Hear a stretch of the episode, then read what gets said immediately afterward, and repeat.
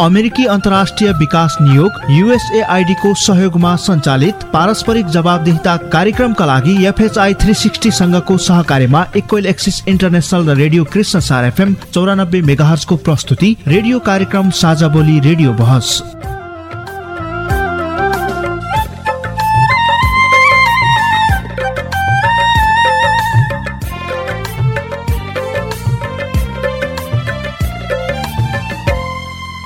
नमस्कार साझा बोली रेडियो बहसमा तपाईँलाई स्वागत छ। म माया अधिकारी। साझा बोली रेडियो बहसमा हामी नागरिक समाज आम संचार माध्यम र सार्वजनिक निकाय बीचको पारस्परिक जवाबदेता र आपसी दिगो सम्बन्धका विषयमा बहस गर्छौं।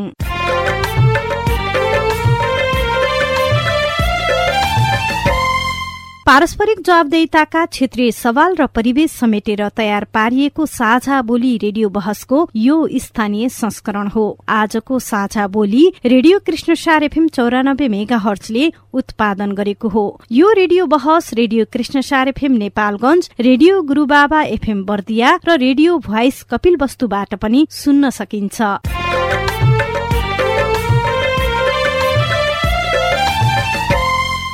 साझा बोली रेडियो बहसको यस सत्रको यो स्थानीय संस्करणको आज अठारौं भाग हो। झण्डै चार वर्ष अघिदेखि प्रसारण भइरहेको साझा बोली यस वर्ष रेडियो बहसका रूपमा उत्पादन तथा प्रसारण भइरहेको छ।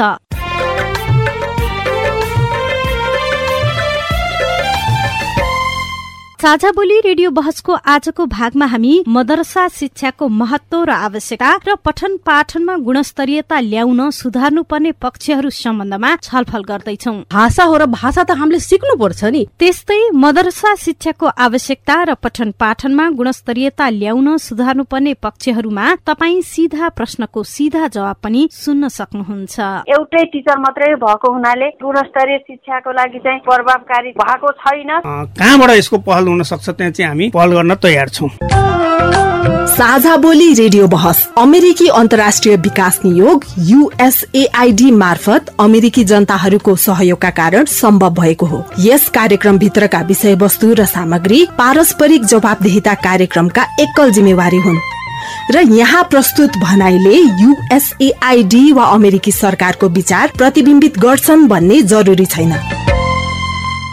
साझा बोली रेडियो बहसमा तपाईँलाई फेरि स्वागत छ। बहसका लागि उपस्थित भइसक्नु भएको छ राष्ट्रिय मदरसा शिक्षा व्यवस्थापन परिषदका पूर्व उपाध्यक्ष मौलाना मनसुर अहमद आरफी नेपालगंज उपमहानगरपालिका शिक्षा युवा तथा खेलकुद महाशाखाका शाखा अधिकृत लोकेन्द्र बहादुर शाही डुडुवा गाउँपालिकाका शिक्षा शाखा प्रमुख संजय कुमार कर्ण र अधिकार कर्मी शाहिदा शाह। यहाँहरू चारैजनालाई साझा बोली रेडियो बहसमा हार्दिक स्वागत छ। हामी मदरसा शिक्षाको महत्व र आवश्यकता बारेमा छलफल गर्छौं। हामी एउटा आवाज सुनौ त्यसपछि छलफल गरौं।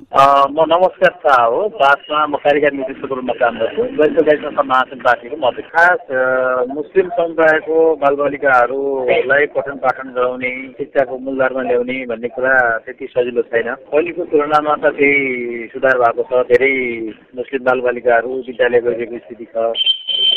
तर पनि अझै अन्य समुदाय जतिको शिक्षामा पहुँच पुग्न सकिरहेको छैन। यस्तो बेला यो मद्रसा शिक्षा महत्त्वपूर्ण छ किनभने यो आफ्नै कल्चरसँग जोडिएको धर्मसँग जोडिएको संस्कृतिसँग जोडिएको र त्यही सम्बन्धित जात सम्बन्धित वर्ग समुदायकै व्यक्तिहरूद्वारा सञ्चालित हुने भएको कारणले गर्दाखेरि मद्रसा शिक्षा जरुरी छ तर अब यसलाई अलिकति पहिलेको भन्दा केही परिवर्तन गर्नुपर्छ आधुनिक गर्नुपर्छ।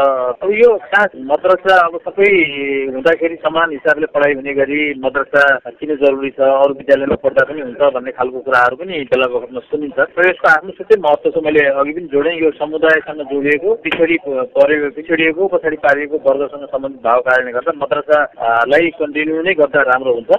तर अब मद्रसाका आफ्नै पनि केही समस्याहरू छन्। मद्रसा व्यवस्थित नभएको धेरै भएको अनि मद्रसाहरूमा भौतिक संरचनाहरू भौतिक सुविधाहरू नभएको भन्ने कुराहरू छ।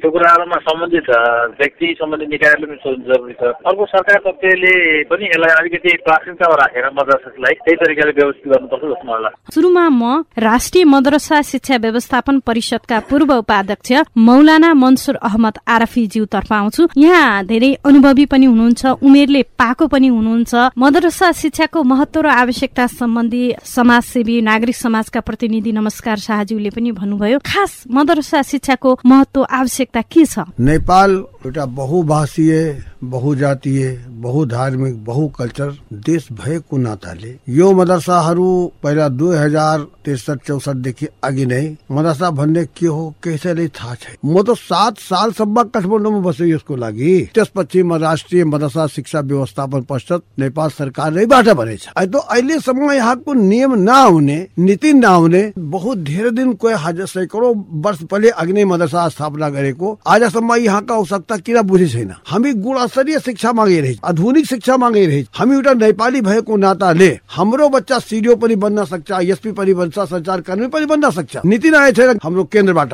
यही सवाललाई लिएर म बाँकेका अधिकार कर्मी साहिदा शाहज्यूतर्फ पनि आउँछु। धन्यवाद।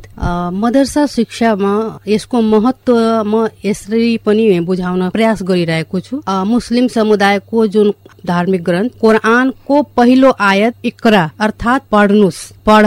जुन समुदायको लागि आकाशीय पुस्तकमा पढ्ने आदेश पहिलो आएको छ। अनि अब जब हामी मदरसा शिक्षा पढ्छौँ भने त्यसको महत्व यस कारण पनि छ किनभने जब जसले मदरसा शिक्षा पढेको हुन्छ उसलाई तलाक दिनुपर्छ कि दिनु पर्दैन दियो भने इस्लामले कसरी त्यसलाई बन्देज गरेको छ। समुदायमा हामीले हेरिरहेछौँ भ्रष्टाचार चरम सीमामा छ। कोरआनमा ती कुराहरूलाई कसरी रोकथाम गर्नको लागि आदेश दिएको छ। कोरआन जब पढ्छौ नि अनि हामीलाई त्यो कुराहरू बुझ्दै जान्छौ हामी आफ्नो मानव जीवनलाई कसरी सहज बनाउने कसरी हाम्रो जीवनलाई जो अरू समुदाय छ नि तिनीहरूको स्तरसँग म्याच गरेर अगाडि बढ्ने हो भनेर त्यो कुरा बुझाउनको लागि पनि मदरसा शिक्षा आवश्यकता रहेको छ। म अब नेपालगञ्ज उपमहानगरपालिका शिक्षा युवा तथा खेलकुद महाशाखाका शाखा अधिकृत लोकेन्द्र बहादुर शाहीज्यू तर्फ आउँछु। यो मदरसा शिक्षाको महत्व छ आवश्यकता छ भन्ने कुरा त हामीले अहिले छलफल गर्यौं। यो यसका उपयोगिताहरू के कस्ता रहेका छन्? त्यो शिक्षालाई कसरी उपयोग गरिएको अवस्था छ? धन्यवाद म्याडम। मदरसाको शिक्षाको हकमा नेपालगञ्जमा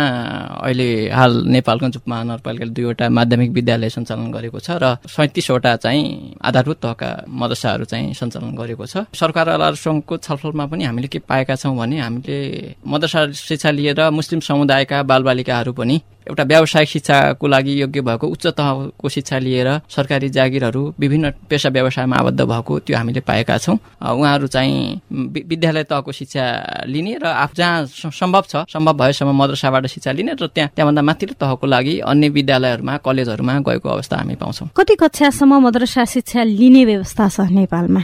हाम्रोमा कक्षा एक बाह्र नै एक बाह्रको लागि नै पाठ्यक्रम तयार भएको छ र नेपालगञ्ज उपमहानगरपालिकाको हकमा चाहिँ कक्षा एक दस मात्रै चलेको अवस्था छ र त्यो अनुसार चाहिँ मदरसाको शिक्षा दिइरहेको अवस्था चाहिँ हामी पाउँछौँ। सरकारले नै बाह्र कक्षासम्म पढाउन सक्ने व्यवस्था गरिसकेपछि त्यो व्यवस्था नेपालगञ्जमा किन हुन नसकेको हो?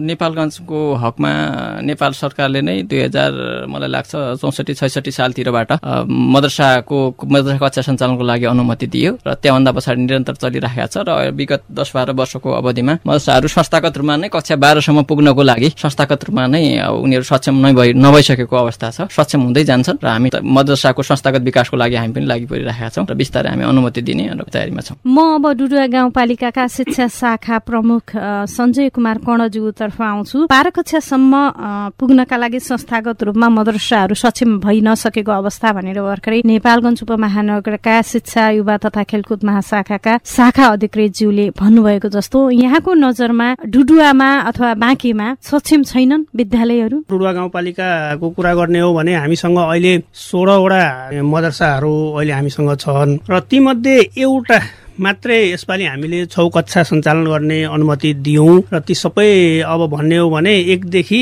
छौ कक्षासम्म मात्रै छ। अनि उहाँले भने जस्तै अहिले अब उहाँहरू क्रमशः अब विद्यार्थी संख्या विद्यार्थी इच्छुक भयो भने विद्यार्थी पूर्ति भयो भने चाहिँ उहाँहरूले फेरि हामीसँग माग गर्नुहुन्छ। त्यो आधारमा आवश्यकताको आधारमा स्थानीय सरकारले कक्षा थपको अनुमति दिँदै जानेछ।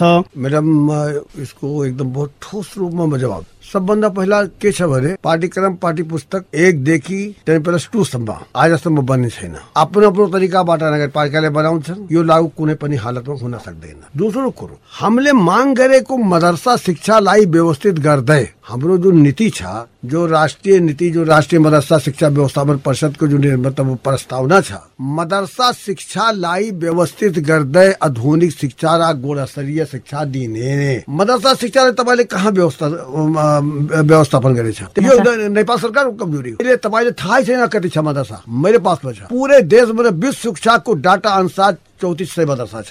हाम्रो डाटा अडसठी जिल्लामा हेर्दाखेरि हाम्रो डाटा अनुसार एकतालिस सौ मदरसा छ। त्यसमध्ये आजसम्म मात्र तेह्र सय मदरसा सरकारको मूलधारमा गएछ। अर्को ठुला ठुला पूर्वतिरको मदरसा किन नआयो? नीति नआउँदाखेरि उनीहरू आए छैन। हाम्रो बच्चा पनि छन् बच्चा इच्छुक पनि छ।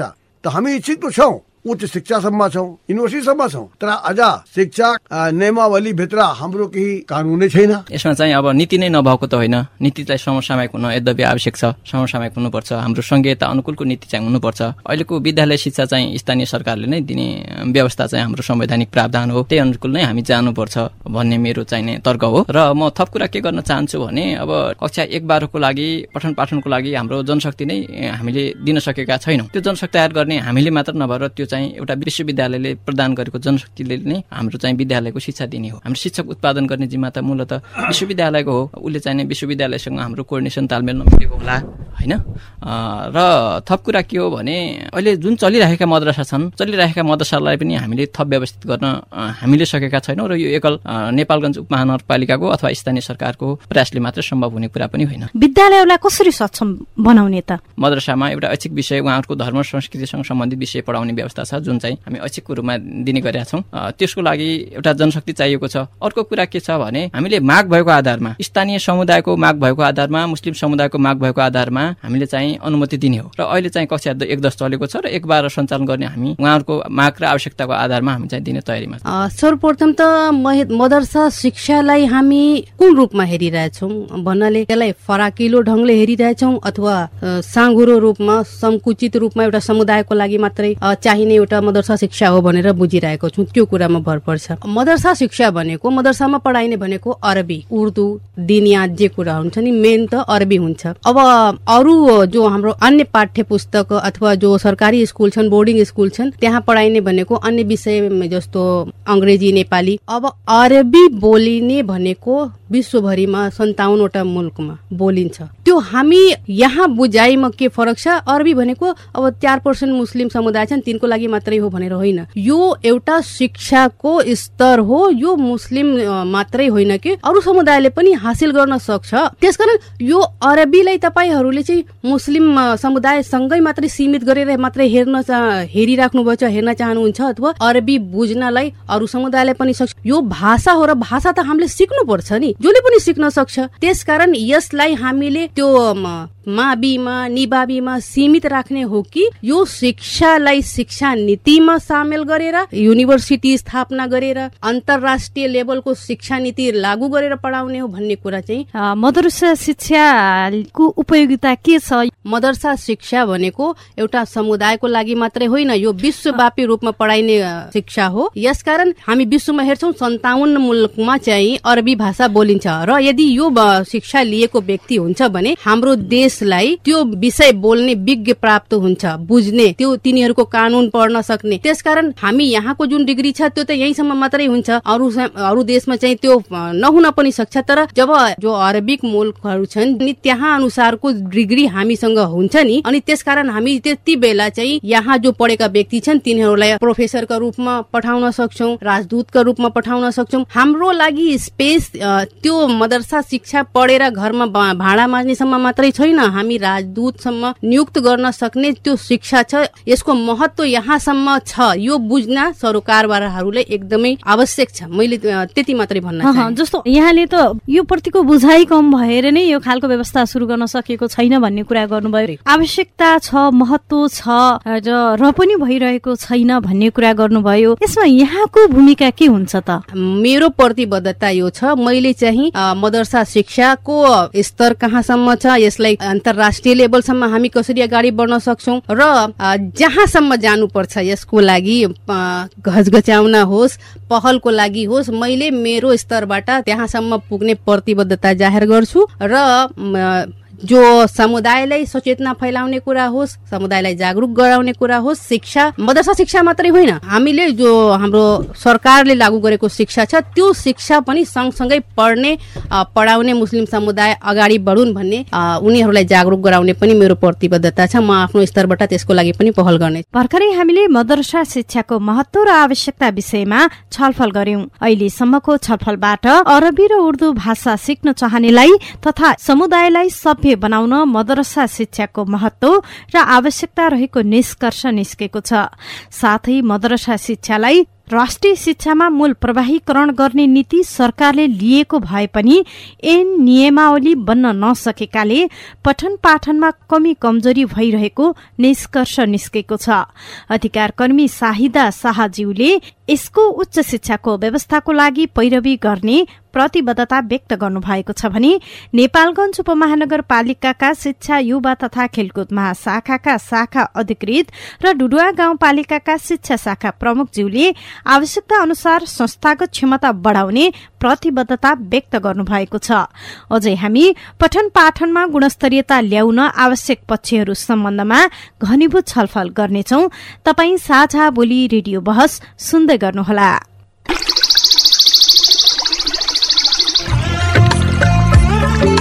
प्रश्न परिवर्तनको सुरुवात हो।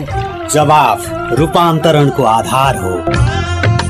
प्रश्न आविष्कारको जननी हो। जवाफ सुशासनको परिणाम हो। त्यसैले प्रश्न सोधौं जवाफ खोजौं। तपाईँले हामीलाई पैसा नलाग्ने नम्बरमा फोन गरेर आफ्ना कुराहरू भन्न सक्नुहुन्छ। एनसेल प्रयोग गर्नुहुन्छ भने अन्ठानब्बे शून्य पन्ध्र एकहत्तर शून्य उन्तिसमा फोन गर्न सक्नुहुन्छ। एनटिसी प्रयोग गर्नुहुन्छ भने सोह्र साठी शून्य एक शून्य शून्य चार पाँच नौमा फोन गर्न सक्नुहुन्छ।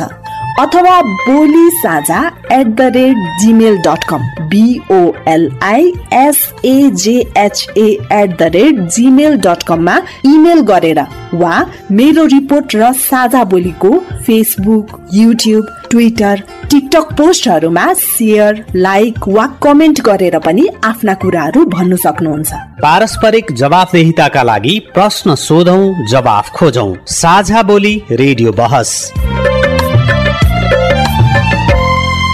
साझा बोली रेडियो बहसमा तपाईँ अहिले मदरसा शिक्षाको आवश्यकता र पठन पाठनमा गुणस्तरीयता ल्याउन सुधार्नुपर्ने पक्षहरू सम्बन्धमा छलफल सुन्दै हुनुहुन्छ। बहसमा अतिथि हुनुहुन्छ राष्ट्रिय मदरसा शिक्षा व्यवस्थापन परिषदका पूर्व उपाध्यक्ष मौलाना मनसुर अहमद आरफी नेपालगंज उपमहानगरपालिका शिक्षा युवा तथा खेलकुद महाशाखाका शाखा अधिकृत लोकेन्द्र बहादुर शाही डुडुवा गाउँपालिका शिक्षा शाखा प्रमुख सञ्जय कुमार कर्ण र बाँकेका अधिकार कर्मी शाहिदा शाह।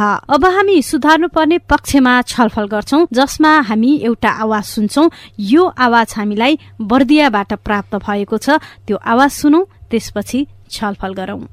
नमस्कार मेरो नाम चाहिँ मोहम्मद इसाखा मेरो विद्यालयको नाम मदरसा अशरफिया मसदुल प्राविको म प्र बोलिरहेको छु नेपाल सरकारले विद्यालय चाहिँ मदरसालाई दुई लाख एकचालिस हजार एक वर्षमा मात्र अनुदान दिँदो रहेछ। चाहे एक पला एक पाँच चलेको विद्यालय मदरसालाई चाहे एक तिन चलेकोलाई चाहे एक दुई चलेकोलाई एउटै किसिमको अनुदान दिएको छ। त्यस जस्तै हाम्रो विद्यालय मदरसा एकदेखि पाँचसम्म चलेको छ। त्यहाँ विद्यार्थी पनि अहिले दुई हजार अठहत्तर सालमा दुई सय सत्रजना छन्। एक पाँच चल्ने भएको हुनाले शिक्षक चाहिँ पाँच हजार छ हजारमा सात हजारमा त्यो तलब खाएर मात्र पढाइरहेछन् त्यति तलब पाउँदा पनि शिक्षक कसरी काम गरिरहेछन् हाम्रो विद्यालयमा? त्यस कारणले उहाँलाई धेरै समस्या छ। अब विवाहित महिलाहरू पनि छन्। र हामी दुईजना पुरुष र अरू तिनजना मौलाना मौलवीहरू छन्। तिनलाई पनि एक एक वर्ष तलबै नखाएर बसेका छन्। हाम्रो पनि तलब पुगिरहेको छैन। पाँच हजारमा आजभोलि यस्तो महँगी जमाना छ। म अब डुडुवा गाउँपालिकाका शिक्षा शाखा प्रमुख सञ्जय कुमार कर्णज्यूतर्फ आउँछु। अब यो चाहिँ जब राहत दरबन्दी वितरण भइरहेको थियो त्यति बेला संहिता थिएन। त्यति बेला यत्र के अरे यत्रो लार्ज नम्बर अफ मदरसा पनि थिएन। होइन त्यति बेला चाहिँ अलिकता वितरणमा अब कम हुँदाखेरि त कमै वितरण हुने भयो। र अहिले हाल आएर त्यो क्रमशः बढ्दै गएको अवस्था भएको हो। यसलाई व्यवस्था भन्न चाहिँ मेरो हिसाबले मेरो व्यक्तिगत हिसाबले भन्नु मिलेन। र अब जब अब यो सङ्ख्या मदरसाको बढ्दैछ अब संहिता पनि आयो अब सङ्घीय शिक्षा ऐन्यवली पनि आउँछ त्यसमा पनि अनेक विविध किसिमका बहुजातीय बहुभाषिक शिक्षालाई चाहिँ अब कसरी उकास्ने हो कसरी लैजाने हो भन्ने कुरा चाहिँ अवश्य नै आउँछ। र अब उहाँको सवाल छ अब यति धेरै कम तलब। अब वास्तवमा हो तलब त अब एकदम थोरै छ। किनभने दरबन्दी नै नभएपछि त अब त दुई लाख एकतालिस हजारमा अब एकदेखि पाँचसम्म चल्ने मदरसामा त पानी चुडी खानुपर्ने हुन्छ। जहाँ चाहिँ अब राहत दरबन्दी नै छ राहत दरबन्दीकै शिक्षकहरू पनि अब त्यसबाट भनौँ न बाँडी चुडी त्यो तलबबाट तिन चारजना शिक्षक राखेर चाहिँ अहिले पढाइरहेछन् त्यो एकदम ध्रुव सत्य हो। र अब अब जहाँसम्म अब यसको समाधानको उपाय के हो भन्दाखेरि अब जबसम्म सँगै शिक्षा ऐन्यवली आउँदैन तबसम्म यो समाधान हुँदैन। र अर्को कुरा चाहिँ अब यो संहिता प्रारम्भ भइसकेपछि अब स्थानीय सरकारहरूले सकेसम्म आफ्नै आन्तरिक स्रोतबाट पनि अनुदान हामीले दिएका छौँ जति सक्दो अब यो पनि म भन्दिनँ कि अब के अरे चाहिँ एकदम पूर्ण रूपले चाहिँ पुग्ने गरी अनुदान पुगेको छ त्यो पनि मैले भन्न चाहेको होइन। जस्तो सङ्घीयता आएको पनि पाँच वर्ष पुग्न आँटिसक्यो होइन? र यो खालको समस्या अब शिक्षकहरू पालिनै गाह्रो भनिसकेपछि त त्यहाँ शिक्षाको गुणस्तरीयताको ठुलो प्रश्न भइरहँदाखेरि यतापट्टि स्थानीय तहले आफै पनि त केही गर्न सक्छ भन्ने कुरा छँदैछ यहाँहरूको छलफलमा कतिको आउँछ? यो तलब वृद्धिको कुरा शिक्षा शाखा प्रमुखहरूको पनि छलफल हुन्छ होला होइन? शिक्षा समन्वय समितिसँग पनि छल छलफल हुन्छ होला। यो कुरा कतिको उठ्ने गरेको छ? र अर्को कुरा जस्तो यो केही हदसम्म स्थानीय तहबाट पनि समाधान गर्न सकिन्छ भन्ने कुरा त यहाँले गर्नुभयो होइन? र सङ्घबाटै नीति भनेर आउनुपर्छ भन्ने कुरा पनि यहाँले गर्नुभयो।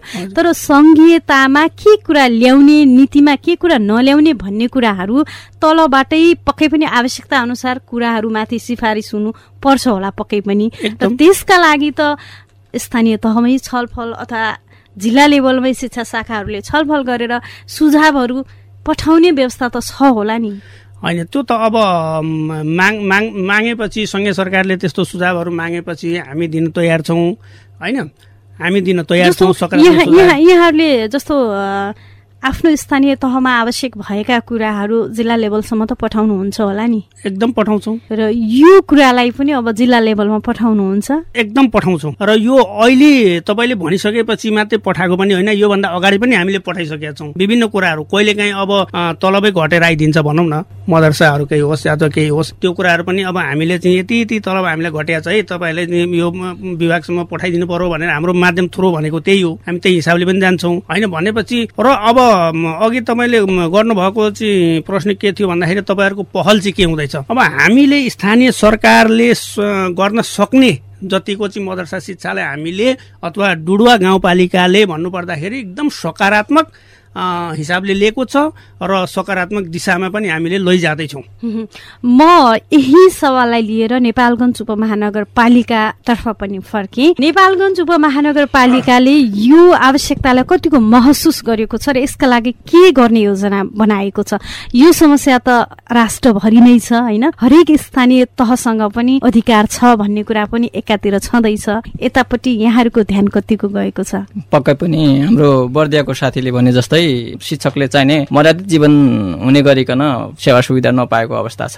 यसको लागि हामीले चाहिने नेपालगञ्ज महानगरपालिकाको सन्दर्भमा हामीले बजेट स्कुल मद्रसाको लागि छुट्टै बजेट बजेटको व्यवस्था गर्ने र यसको लागि छुट्टै एउटा कोषको व्यवस्था गर्ने र त्यहाँ चाहिने राखेर हामीले चाहिँ यसलाई चाहिँ कसरी किन वितरण गर्न सकिन्छ भन्ने तरिकाले जानुपर्छ भन्ने भन्ने हाम्रो चाहिने ध्यान गइरहेको छ। भनेपछि यो योजनामा हुनुहुन्छ यहाँहरू? नेपालगञ्ज उपमहानगरपालिकामा दस मिटरको दूरीमा पल्लो पल्लो भवनमा चाहिँ मदरसाहरू सञ्चालित छन्। त्यसैले हामीले आवश्यकता आवश्यकता कहाँ हो? एउटा ओडामा कति मुस्लिम समुदायको बच्चाहरू छ? र त्यो बच्चाको लागि कतिवटा मद्रसा चाहिने हो? त्यसलाई हामीले पहिला चाहिने आकलन गर्छौँ र त्यसैको आधारमा हामीले चाहिँ मद्रसाहरूलाई नोक्साङ्कन गर्ने विभिन्न आधारहरू बनाएर मद्रसालाई नोक्साङ्कन गर्छौँ र कतिजना शिक्षक रहने होइन? हाम्रो शिक्षक धेरै भएर मद्रसा धेरै भएर पनि यो समस्या भएको हो। हामीलाई चाहियो भन्दा केही धेरै मद्रसा पनि भएको अवस्था चाहिँ छ। त्यसैले चाहिँ हामीलाई कति मद्रसा चाहिएको त्यो मद्रसामा चाहिँ कतिजना शिक्षक चाहिने हो अनि त्यो शिक्षकलाई चाहिँ हामी कतिजना शिक्षकलाई हामी व्यवस्थित गर्न सक्छौँ त्यतातिर हामी चाहिँ गइरहेका र त्यसको थप कुराहरूको लागि हामी लागि पर्छ। भर्खरै हामीले बर्दियाबाट प्राप्त आवाज सुने अनुसार बर्दियाका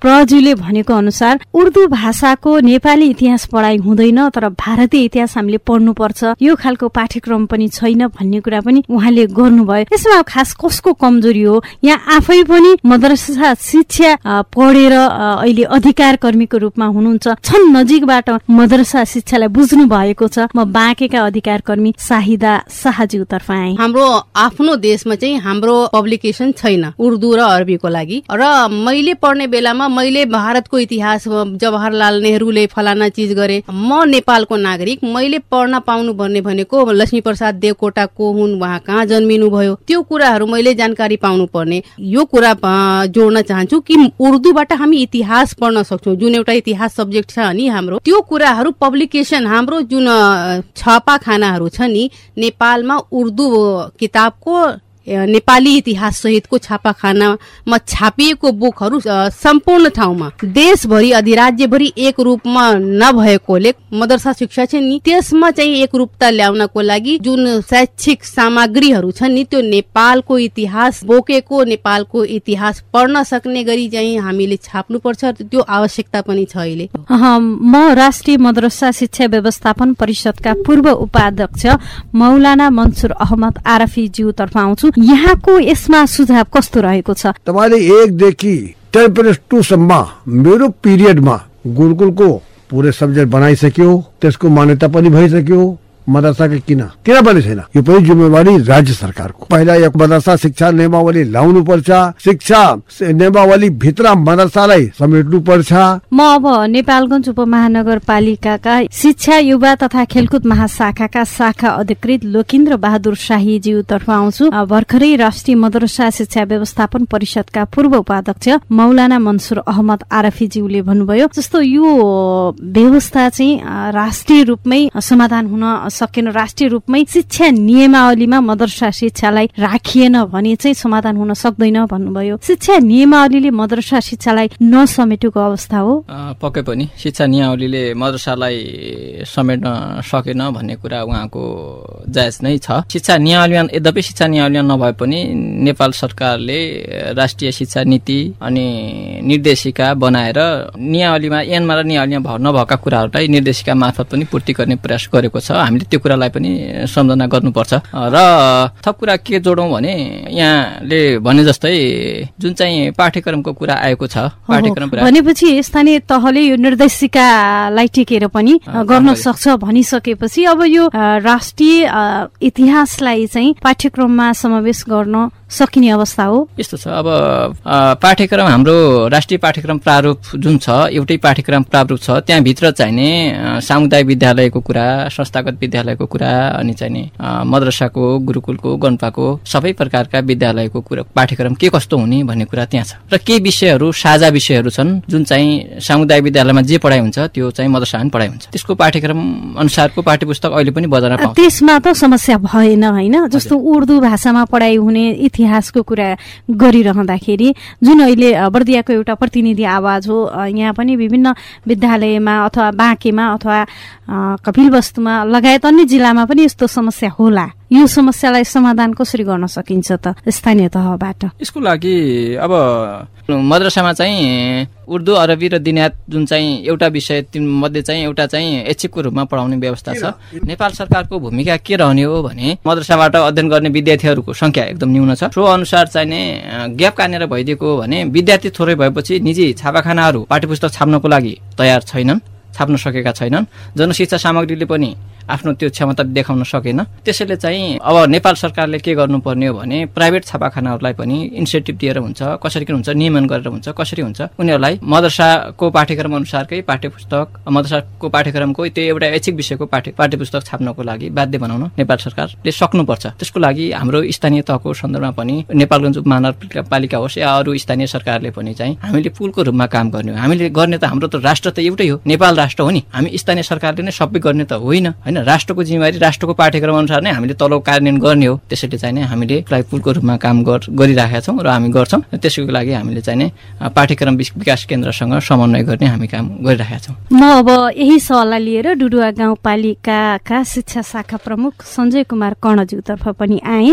यहाँ छलफल भयो पक्कै पनि यहाँलाई पनि आवश्यकता महसुस पनि भयो होला। र अब कसरी जानुपर्छ भन्ने यहाँलाई महसुस भयो त? डुडुवामा पनि अब त उर्दू भाषा त पढाइ हुन्छ नै। अब त्यो मदरसाको मूल मर्मै त्यही भइगयो। मैले इतिहास कहाँको पढाइ भइरहेको छ? यहाँलाई कतिको जानकारी अब यसो जानकारी नभन्दा कुरै भएन। अब बर्दियामा एउटा कुरान होला बाँकेमा एउटा होला के अरे चाहिँ डुडुवामा अर्को होला भन्ने हुँदैन। त्यो पनि पक्कै हो। अब जुन चाहिँ अब त्यो बर्दियामा आएको कुरा पनि अब त्यो त्यो पनि सान्दर्भिक यहाँ डुडुवासँग पनि मिल्छ। अब भनेपछि भनेपछि डुडुवामा पनि त्यही समस्या छ। होइन त्यो त अब हुने नै भइगयो त। अब कसरी जान सकिन्छ त? पक्कै पनि यहाँलाई पनि महसुस भयो होला यो छलफलबाट कि हामीले नेपाली विद्यार्थीलाई नेपालकै इतिहास पढाउनु पर्छ भाषा फरक भए पनि। अब कसरी जान सकिन्छ त? होइन अब चाहिँ नेपाल सरकारले शिक्षा मन्त्रालयले पाठ्यक्रम विकास केन्द्रले यसबारेमा सोच्नु पर्ने हुन्छ। यसका लागि यहाँहरूको भूमिका के हुन्छ हाम्रो हाम्रो देशमा अहिले पनि नेपालको शिक्षा ऐन नियमानुसार अथवा संविधान अनुसार चाहे बोर्डिङ होस् चाहे धार्मिक होस् चाहे जे होस् पाठ्यक्रम विकास केन्द्रले स्वीकृत गरेका पाठ्य पुस्तक पाठ्यक्रमहरू मात्रै लागू गर्ने भन्ने चाहिँ कानुन छ। यसका लागि यहाँ आवश्यकता महसुस पनि भयो। समस्या छ। समाधान कसरी गर्ने भन्ने कुरा पनि तलबाट माथिसम्म परिवर्तनका लागि यहाँहरूको भूमिका के हुन्छ त? अब हाम्रो भूमिका त अब हामी चाहिँ आफ्नो स्थानीय तहको हैसियतले भन्नुहुन्छ कि अथवा चाहिँ स्थानीय तहको शिक्षा प्रमुखको हैसियतले भन्नु पर्दा पनि अब मैले अघि पनि बारम्बार यो कुरालाई मैले एकदम जोड दिँदै आएको छु। नयाँ शिक्षा ऐन सङ्घीय शिक्षा ऐन नियमावली आउँदैछ। त्यसमा पक्कै पनि मलाई लाग्छ यो कुराको बारेमा मलाई लाग्छ भनेर यहाँले भनि रहँदा नहुन पनि त सक्छ नि। यहाँहरू कतिको सुनिश्चित हुनुहुन्छ कि यहाँहरू त शिक्षालाई अगाडि बढाउनका लागि एउटा स्थानीय तह हाँकिरहनु भएको छ। यी समस्या विद्यमान छन्। भोलि यी समस्या फेरि पनि दोहोरिन सक्छन् यहाँहरू होला भन्नेतिर जानुभयो भने त फेरि नहुन पनि त सक्छ नि। सुनिश्चित कसरी गराउने सम्बोधन भएन भने चाहिँ हामी सरकारवालाहरूसँग हामी चाहिँ छलफल गर्छौँ। छलफलबाट आएको निष्कर्ष हामी चाहिँ शिक्षा मन्त्रालय हुन्छ कि सङ्घीय के अरे चाहिँ सङ्घीय मामला त स्थानीय विकास मन्त्रालयमा हुन्छ कि अथवा कहाँ हुन्छ? होइन? त्यहाँ चाहिँ छलफलबाट आएको निष्कर्ष चाहिँ हामी पठाउँछौँ। त्यो हिसाबले चाहिँ मलाई लाग्छ नेपाल सरकारले पनि अवश्य नै पहल गर्लान्। कहाँबाट यसको पहल हुनसक्छ त्यहाँ चाहिँ हामी पहल गर्न तयार छौँ। यसैमा सञ्जय कर्ण सरको सरको कुरामा मैले थप गरेँ। थप कुरा हामीलाई पनि काम गर्ने ठाउँ कहाँनिर दिएको छ भने एउटा स्थानीय पाठ्यक्रम सय पूर्णाङ्क बनाउने जुन जिम्मा दिएको छ त्यतातिरबाट पनि हामीलाई यसलाई चाहिँ पूर्ति गर्न सक्छौँ र हामी त्यो अनुसार जानुपर्छ। यसको लागि हामी चाहिँ लागिराखेका छौँ। यसको लागि हाम्रो स्थानीय तहमा नेपालगञ्ज उपमहानगरपालिकाको हकमा पाठ्य पुस्तक हामीले चाहिँ मद्रसाहरूमा चाहिँ नेपालकै मूल्य मान्यता अनुसारको संस्कृतिको पाठ्य पुस्तक पढाउनुपर्छ भन्नेसँग सम्बन्धित रहेर हामीले चाहिँ एकदम जोडतोडका साथ हामीले चाहिँ अनुगमन नियमन गरेको अवस्था छ र हामीले चाहिँ यसलाई चाहिँ व्यवस्थित गर्नको लागि हामी आफ्नो तर्फबाट पनि थप पहल गर्छौँ। साझा बोली रेडियो बहसमा तपाईँ अहिले मद्रसा शिक्षाको आवश्यकता र पठन पाठनमा गुणस्तरीयता ल्याउन सुधार्नु पर्ने पक्षहरू सम्बन्धमा सवाल जवाब सुन्दै हुनुहुन्छ। यतिन्जेल हामीले गरेको छलफलबाट मदरसामा उर्दू भाषामा भारतको इतिहास पढाउँदै आएकोमा अब नेपाली इतिहास पढाउन शुरू गर्नुपर्ने र यसका लागि स्थानीय तहले आफ्नो तहबाट पनि सय पूर्णाङ्कको पाठ्यक्रम विकास गर्न सक्ने र यस्तै एकरूपताको लागि माथिल्लो निकायसम्म समन्वय गर्नुपर्ने निष्कर्ष निस्केको छ। यस्तै पर्याप्त शिक्षकका लागि आवश्यक तलबका लागि स्थानीय तहले पनि व्यवस्था गर्न सक्ने र सुझाव माथिल्लो तहसम्म पठाउने निष्कर्ष पनि निस्केको छ। नेपालगंज उपमहानगरपालिकाका शिक्षा युवा तथा खेलकुद महाशाखाका शाखा अधिकृत ज्यूले यसका लागि बजेट छुट्याएर व्यवस्थित गर्ने र डुडुवा गाउँपालिकाका शिक्षा शाखा प्रमुख ज्यूले व्यवस्थित बनाउन अब थप लागि पर्ने प्रतिबद्धता व्यक्त गर्नु भएको छ। मदरसा शिक्षाको पठन पाठनमा गुणस्तरीयता ल्याउन सुधार्नुपर्ने आवश्यक पक्षहरू सम्बन्धमा अझै थप घनीभूत छलफल गर्नेछौ। तपाई साझा बोली रेडियो बहस सुन्दै गर्नुहोला। साझा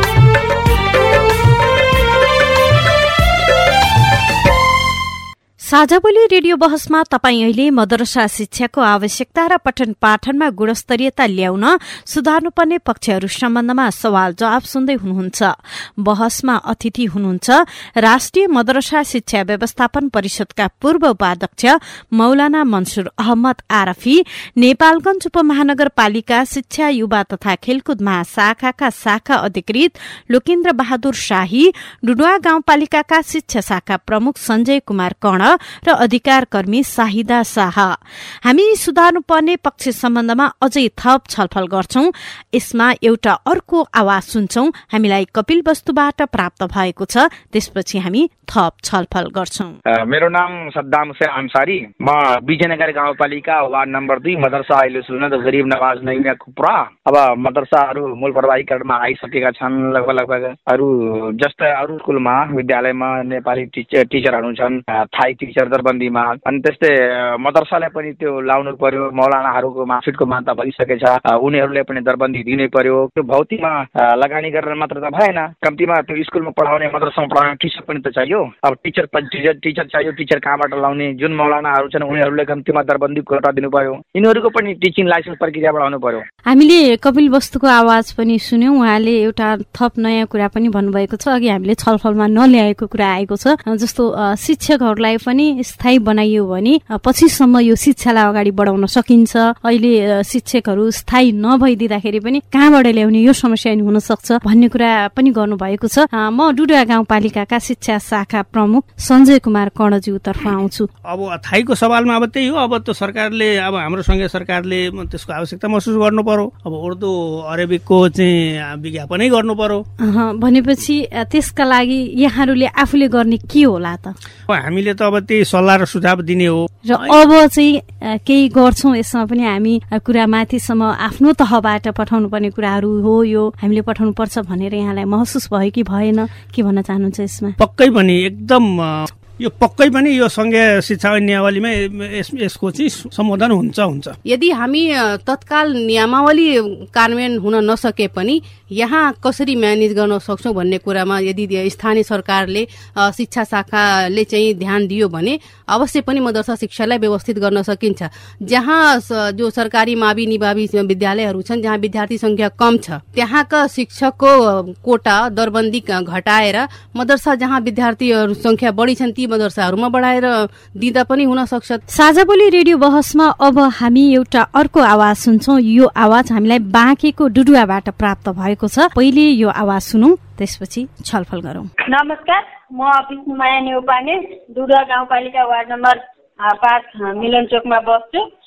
म चाहिँ मदरसा जामिया खादिमुल इस्लाममा चाहिँ बाल विकास केन्द्र हेरिराखेको छु। हाम्रो मदरसामा चाहिँ एकदेखि पाँच कक्षासम्म चाहिँ सञ्चालनमा छ। त्यसमा चाहिँ टिचर चाहिँ जम्मा एकजना दरबन्दीको टिचर चाहिँ एकजना मात्रै हुनुहुन्छ। उहाँले चाहिँ तिनजना शिक्षक भनौँ अब उहाँहरूको आफ्नो अरबी भाषा उर्दू भाषा पढाउनु पर्ने भएको हुन्छ र नेपाली अन्य पाँचवटा भाषाको लागि चाहिँ एउटै टिचर मात्रै भएको हुनाले त्यहाँ चाहिँ गुणस्तरीय शिक्षाको लागि चाहिँ खासै प्रभावकारी चाहिँ भएको छैन। बच्चाहरूले सिक्न खोजे पनि एकजना टिचरले चाहिँ पाँचैवटा विषय पढाउन चाहिँ अलि गाह्रो पर्ने हुन्छ। र त्यसको लागि चाहिँ मैले मिटिङमा जाँदा पनि म नै जान्छु मिटिङमा जाँदा पनि मैले भन्ने गरेको हुन्छु कि हाम्रो स्कुलमा चाहिँ टिचरहरू बढी चाहिन्छ। टिचर पाँच कक्षासम्म चलेको छ भने कम्तीमा नि तिनवटा टिचर त हुनपर्ने भनेर जिल्ला शाखाले भने पनि तर त्यो चाहिँ गाउँपालिकाले नि व्यवस्था गरेको छ। मदरसालाई चाहिँ खासै राम्रो चाहिँ दृष्टिकोणले चाहिँ हेरेको मान्दैन किनभने उहाँहरूले आफूहरूले नै गर्छन् अनि भन्ने किसिमको चाहिँ छ। अन्य अन्तबाट खासै सहयोग पनि हुँदैन। खाजाको व्यवस्था चाहिँ गर्ने भन्ने कुरा चाहिँ भएको छ गाउँपालिकाले अब त्यसमा पनि विवाद भइराखेको छ कि खाजा अब कसले बनाउने त अनि भन्ने कुरा भइराखेको छ। हामी खाजा पकाउने मान्छे दिन पनि हामीले एक त हामी एक्लै हुन्छौँ त्यसमा पनि पकाएर खुवाउन लाग्यो भने त हाम्रो टाइम त्यसै लस। अनि ग्यास भाँडा सबै आफैले किन्ने अरे। अनि त्यसरी कहाँबाट हुन्छ त अनि? त्यो कुरा चाहिँ त्यहाँ पुऱ्याइदिनु हुन पनि अनुरोध गर्दछु म त। बाँकी डुडुवाका विष्णु माया नेउपानीको हामीले आवाज सुन्यौँ। उहाँले दुईटा कुरा गर्नुभयो। अघिसम्म हामी छलफल गरिरहेका थियौँ कि अरबी उर्दू मौलाना शिक्षकहरूलाई कसरी टिकाउने पाँच छ हजारमा उहाँहरू कसरी त्यहाँ टिक्नुहुन्छ कसरी गुणस्तरीयता ल्याउन सकिन्छ? अर्कोपट्टि जुन नेपाली गणित इङ्ग्लिस विज्ञान सामाजिक जस्ता विषय पढाउने पनि जम्मा एउटा टिचर मदरसामा कसरी गुणस्तरीयता आउन सक्छ त? म डुडुवा गाउँपालिकाका शिक्षा शाखा प्रमुख सञ्जय कुमार कणजुतर्फ आउँछु। जब हामी विद्यालय स्वीकृति दिन्छौँ अथवा कक्षा थपको लागि चाहिँ हामी स्वीकृति दिन्छौँ त्यति बेला हामी अनुगमन गर्छौँ। त्यहाँ विद्यार्थी संख्या हेर्छौँ त्यहाँ जनशक्ति हेर्छौँ त्यहाँ भौतिक अवस्था हेर्छौँ। त्यति बेला हामीले प्रष्ट रूपमा भन्छौँ हेर्नुहोस् अहिले तपाईँहरू चाहिँ कक्षा थप नगर्नुहोस् किन नगर्नुहोस्? भन्दाखेरि अहिले तपाईँसँग जनशक्ति छैन। र सङ्घीय सरकार होस् अथवा स्थानीय सरकारले यदि त त्यहाँबाट चाहिँ यदि तपाईँहरूले जनशक्ति अथवा आर्थिक अवस्था भौतिक अवस्थाको चाहिँ तपाईँको अलिकति सुनिश्चितता छ भने चाहिँ त्यति बेला हामी दिन्छौँ तपाईँहरू थप्नु होला हामीले भन्दा पनि अब उहाँहरू चाहिँ होइन नमानिकन पनि कच्चा थप गराउनुहुन्छ। उहाँले जस्तो दुई सय दुईजना विद्यार्थी छन् र एक्लोले पाँचवटा विषय हेरिरहनु परेको छ पनि भन्दै हुनुहुन्छ त। होइन उहाँ त बाल विकासको शिक्षिका उहाँ हुनुहुन्छ। उहाँ चाहिँ अहिले मदरसामा उहाँले चाहिँ त्यहाँ चाहिँ गाभिएको हुनाले उहाँले त्यो भनिराख्नु भयो होला। उहाँले भनेको कुरा गलत हो। होइन होइन गलत मैले त गलत भनेकै छैन। मैले गलत भनेकै छैन गलत पनि होइन। भनेपछि एउटा एउटा शिक्षकले पाँचवटा विषय हेरिरहनु पर्दा अलराउन्डर हुनु पर्दाखेरि दुई सय दुईजना विद्यार्थीलाई त्यहाँ गुणस्तरीयता आउन सक्छ त ल्याउन सकिन्छ पनि सक्दैन। गुणस्तरता आउँदा पनि आउँदैन र गाउँपालिकाले यसपालि भ्याएन। अब आगुम चाहिँ पक्कै गाउँपालिकाले हेर्छ र हामीले रिकमेन्ड पनि गरेका छौँ। र उहाँले अर्को कुरा भन्नुभएको छ जस्तो दिवा खाजा जुन सुरु हुने भनिएको छ हामीलाई नै खाजा बनाउनु पर्ने। एक त एकजनाले पाँचवटा विषय हेर्नु परेको छ त्यही माथि खाजा पनि आफै बनाउने कतिखेर बनाउने भन्ने कुरा पनि गर्नुभएको छ। उहाँले रङ बोलिराख्नु भएको छ म भन्छु। यो सवालमा है किन भन्दाखेरि अब त्यो खाजा भनेको चाहिँ नेपाल सरकारले प्रत्येक विद्यार्थीको चाहिँ प्रत्येक बच्चालाई चाहिँ त्यो एउटा नैसर्गिक अधिकारको रूपमा स्थापना गरेर अहिले दिइरहेछ बच्चाहरूलाई। अनि त्यस्तो सवालमा उहाँले चाहिँ हामीले यसरी गर्न सक्दैनौँ यसरी गर्न मिल्दैन जनशक्ति कम भएको कुरा त यहाँलाई पनि त महसुस हुनुपर्ने हो नि अहिले जुन हामीले उहाँले भन्नुभयो खाजा सम्झौताको लागि जुन अहिले चाहिँ एउटा रेडिमेड खाजा भन्ने एउटा आछ विराटनगरको फ्याक्ट्रीवाला हो एउटा। त्यो खाजामा अब त्यो कस्तो छ भन्दाखेरि त्यो पन्ध्र मिनटमा त्यो खाजा पाक्ने रेडिमेड खाजा हो। त्यसले फेरि विद्यार्थीलाई असर पर्ने कुरा स्वास्थ्यमा रेडिमेड भनिसकेपछि असर पर्ने कुरा पनि त्यो जङ्क फुड होइन त्यो। त्यो जङ्क फुड होइन त्यो नेपाल सरकार स्वास्थ्य मन्त्रालय स्वास्थ्य विभागहरूबाट चाहिँ त्यो रिकमेन्ड भएरै भनेपछि डुडुवामा अब त्यो सुरु गर्न सकिन्छ? त्यो सुरु अहिले सम्झौता सबै विद्यालयहरूले मदरसाहरूले गरेका छैनन्। सम्झौता गर्यो भने चाहिँ त्यसपछि चाहिँ त्यो लागू गर्छ त्यसको लागि त यहाँहरूले समय लाग्दैन यसरी जान सकिन्छ भनेर बुझाउनु पनि त पर्यो नि। होइन हामीले प्रत्यक्ष रूपमै जुन हाम्रो बैठक भएको थियो बैठकमा हामीले छलफलै गरे हो। निर्देशिकाले के भन्छ भन्दाखेरि आमा समूह गठन गर्न सक्नु पर्यो। अब तपाईँ भन्नु होला त्यो अभिभावकहरूका आमाहरूले पनि एक एक दिन गएर त्यहाँ बनाइदियो भने पनि पर्याप्त हुन्छ कि? छ दिन त हो। यसमा चाहिँ यदि त्यहाँ चाहिँ दिवा खाजा बनाउनेको लागि हामी व्यवस्था गरिरहेका छौँ भने त्यो बनाइदिने मान्छेको पनि त व्यवस्था गर्नुपर्ने। अनि चाहिँ अभिभावकको कुरा अघि सरले गर्नुभयो महिलाहरूले आएर बनाइदिने। सबै बच्चाहरूको घरको महिलाहरू चाहिँ घरमै त बसिरहेको अवस्था हुँदैन नि। उनीहरू पनि खेतमा जानुपर्ने अवस्था हुन्छ।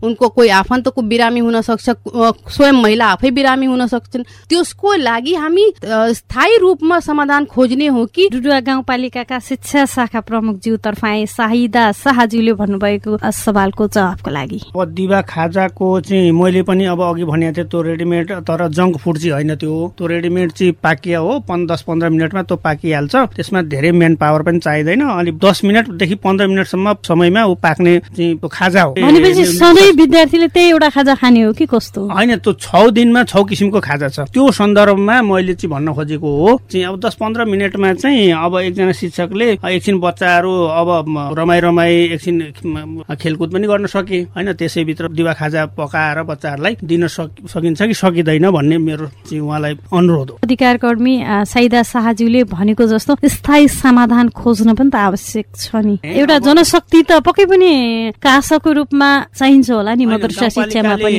उहाँले त सहयोग गर्न सक्नुहुन्छ अब चाहिँ गाउँपालिकाले प्रत्येक बाल विकास केन्द्रमा एउटा स्याहारै भनौँ न। अब एउटा त हाम्रो शिक्षिका छँदै हुनुहुन्छ। फेरि अर्को एडिसनल थप चाहिँ अब हामीले एउटा स्याहारे भनेर हामीले चाहिँ राख्ने गाउँपालिकाले योजना लिएको छ। अब त्यो यदि स्याहारे उहाँहरूले पाउनुभयो भने मलाई लाग्छ धेरै ठुलो चाहिँ एउटा सहयोग पाउनुहुन्छ होला।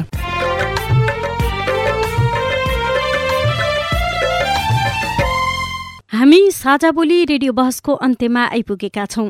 साझा बोली रेडियो बहसबारे मनका कुरा भन्नका लागि एनटीसीको मोबाइल वा ल्यान्डलाइन फोन प्रयोग गर्नुहुन्छ भने सोह्र साठी शून्य एक शून्य शून्य चार पाँच नौमा फोन गर्न सक्नुहुन्छ। एनसेल प्रयोग गर्नुहुन्छ भने अन्ठानब्बे शून्य पन्ध्र एकात्तर शून्य उन्तिसमा फोन गर्नुहोला। यी नम्बरहरूमा फोन गरेको पैसा लाग्दैन र प्राप्त निर्देशन अनुसार प्रश्न सोध्न पनि सकिन्छ। पारस्परिक जवाबदेता बारे आफूले देखे सुने या भोगेका कुनै पनि कुरा लेख मार्फत व्यक्त गर्न चाहनुहुन्छ वा अरूका लेखहरू पढ्न चाहनुहुन्छ भने W dot Mero report dot net W W dot M E R O R E P O R T dot net पनि लगइन गर्न सक्नुहुन्छ।